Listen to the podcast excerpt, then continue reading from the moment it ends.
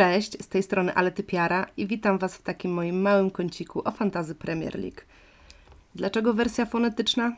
Otóż odpowiedź jest prosta, bo lubię podejmować się nowych rzeczy. Poza tym, umówmy się, wersja mówiona jest łatwiejsza, przynajmniej dla mnie, a dla Was, mam nadzieję, będzie przyjemniejsza do odsłuchu, tak więc zapraszam. Zacznę może od tego, jakie ruchy planuję zrobić przed najbliższą kolejką. Jeśli śledzicie mnie na Twitterze, to wiecie, że przed GW3 bardzo ze sobą walczyłam, oj bardzo, żeby nie odpalić dzikiej karty. Z jednej strony bardzo mnie kusiło i w zasadzie nadal kusi, no ale z drugiej strony uważam, że jest na to zdecydowanie za wcześnie. Wciąż wiemy stosunkowo mało, żeby dokonywać zmian w dłuższej perspektywie. Ja na palcach jednej ręki mogę policzyć piłkarzy, których chcę na 100% mieć w swoim zespole, a cała reszta zmienia się tak naprawdę ilekroć usiądę do swojego składu. Moim must have jest zdecydowanie Kevin De Bruyne i ktoś z duetu Mane Salah, gdzie jako ciekawostkę mogę podać Wam fakt, że zarówno Mane jak i Salaha mam od e, początku sezonu, od startu sezonu. E, chciałam też powiedzieć, że trend jest takim moim oczkiem w głowie, bo po części jest, ale z drugiej strony ja tak bardzo nie ufam defensywie Premier League, że nie przywiązuję większej uwagi do obrońców w ogóle. Z dziką kartą nadal się jednak wstrzymuję i choć planowałam z niej skorzystać po tej kolejce, to jeśli nic się po drodze nie wydarzy, to być może zostawię sobie ją na później. Ten temat jest w mojej głowie otwarty i myślę, że tutaj będę bardzo elastyczna i dostosuję się do sytuacji, bo tak naprawdę wszystko zależeć będzie od ewentualnych kontuzji, tak więc pożyjemy, zobaczymy. Przechodząc jednak do meritum, czyli do tego, jakie transfery planuję teraz zrobić, z takich realnych możliwości, no bo wiadomo, że chciałabym mieć i Wardiego, i Jimeneza, i Calverta Luina, i Sterlinga, i najlepiej jeszcze kogoś z Manchesteru United, to najintensywniej myślę o podmiance Antonio na Calverta Luina właśnie. Żeby tego drugiego mieć, muszę pozbyć się też do Hertiego i absolutnie nie mam z tym żadnego problemu, gdyby nie fakt, że nie wiem co z tą dziką kartą. Chodzi mi o to, że jeśli ją odpalę, to trochę szkoda moich minusów, no ale być może jej też nie odpalę, więc tak naprawdę nie ma co gdybać. Kogo wzięłabym za Doherty'ego? Najbardziej gorącym nazwiskiem ostatnio jest oczywiście Lamptey i nie sposób się z tym nie zgodzić, bo gość w trzech meczach zaliczył trzy asysty, no a czego chcieć więcej od obrońcy za 4-6. Problem w tym, że moja kobieca logika podpowiada mi zawsze, aby nie pchać się na siłę w duety, które najbliższą kolejkę grają przeciwko sobie. I mam tutaj na myśli Decela i Lampteja, którzy najbliższy mecz zagrają przeciwko sobie. I ja wiem oczywiście, że nie można patrzeć tylko na najbliższe spotkanie, ale niewykluczone, że odpalę zaraz tę nieszczęsną i ciągnącą się za mną dziką kartę.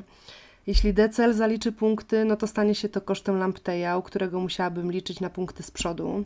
Niby jest to realne, no ale po co ryzykować? Na moim celowniku znajduje się też Rhys James z Chelsea i tutaj czyste konto tak naprawdę powinno być formalnością, a może i wpadną jakieś dodatkowe ekstra punkty. No nie ukrywam, że byłabym szczęśliwa.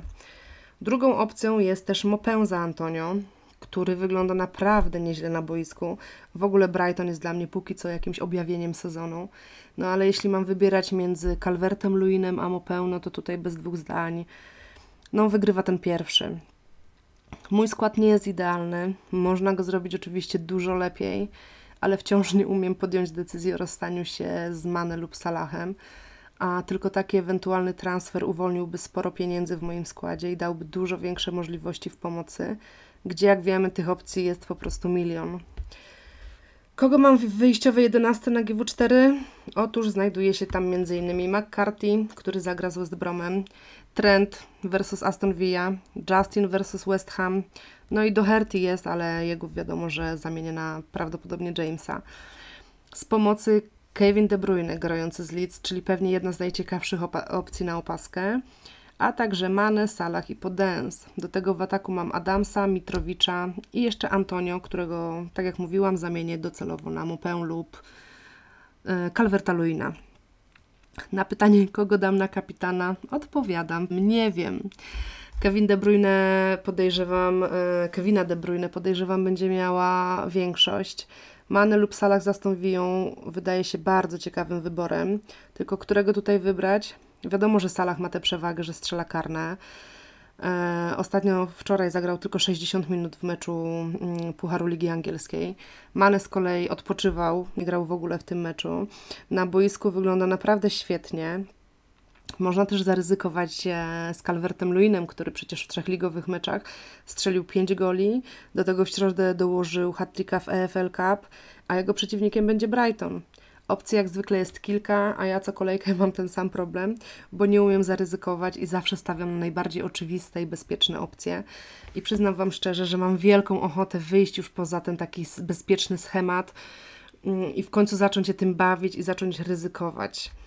Czy ten skład ma szansę na dobre punkty? Co kolejkę sobie powtarzam, że ma. Rzeczywistość jednak szybko weryfikuje oczekiwania, czego najlepszym przykładem była poprzednia kolejka. Prawda jest taka, że FPL żyje swoim życiem, a nam jedyne co pozostaje to zachować czysty spokój i po prostu się tym bawić.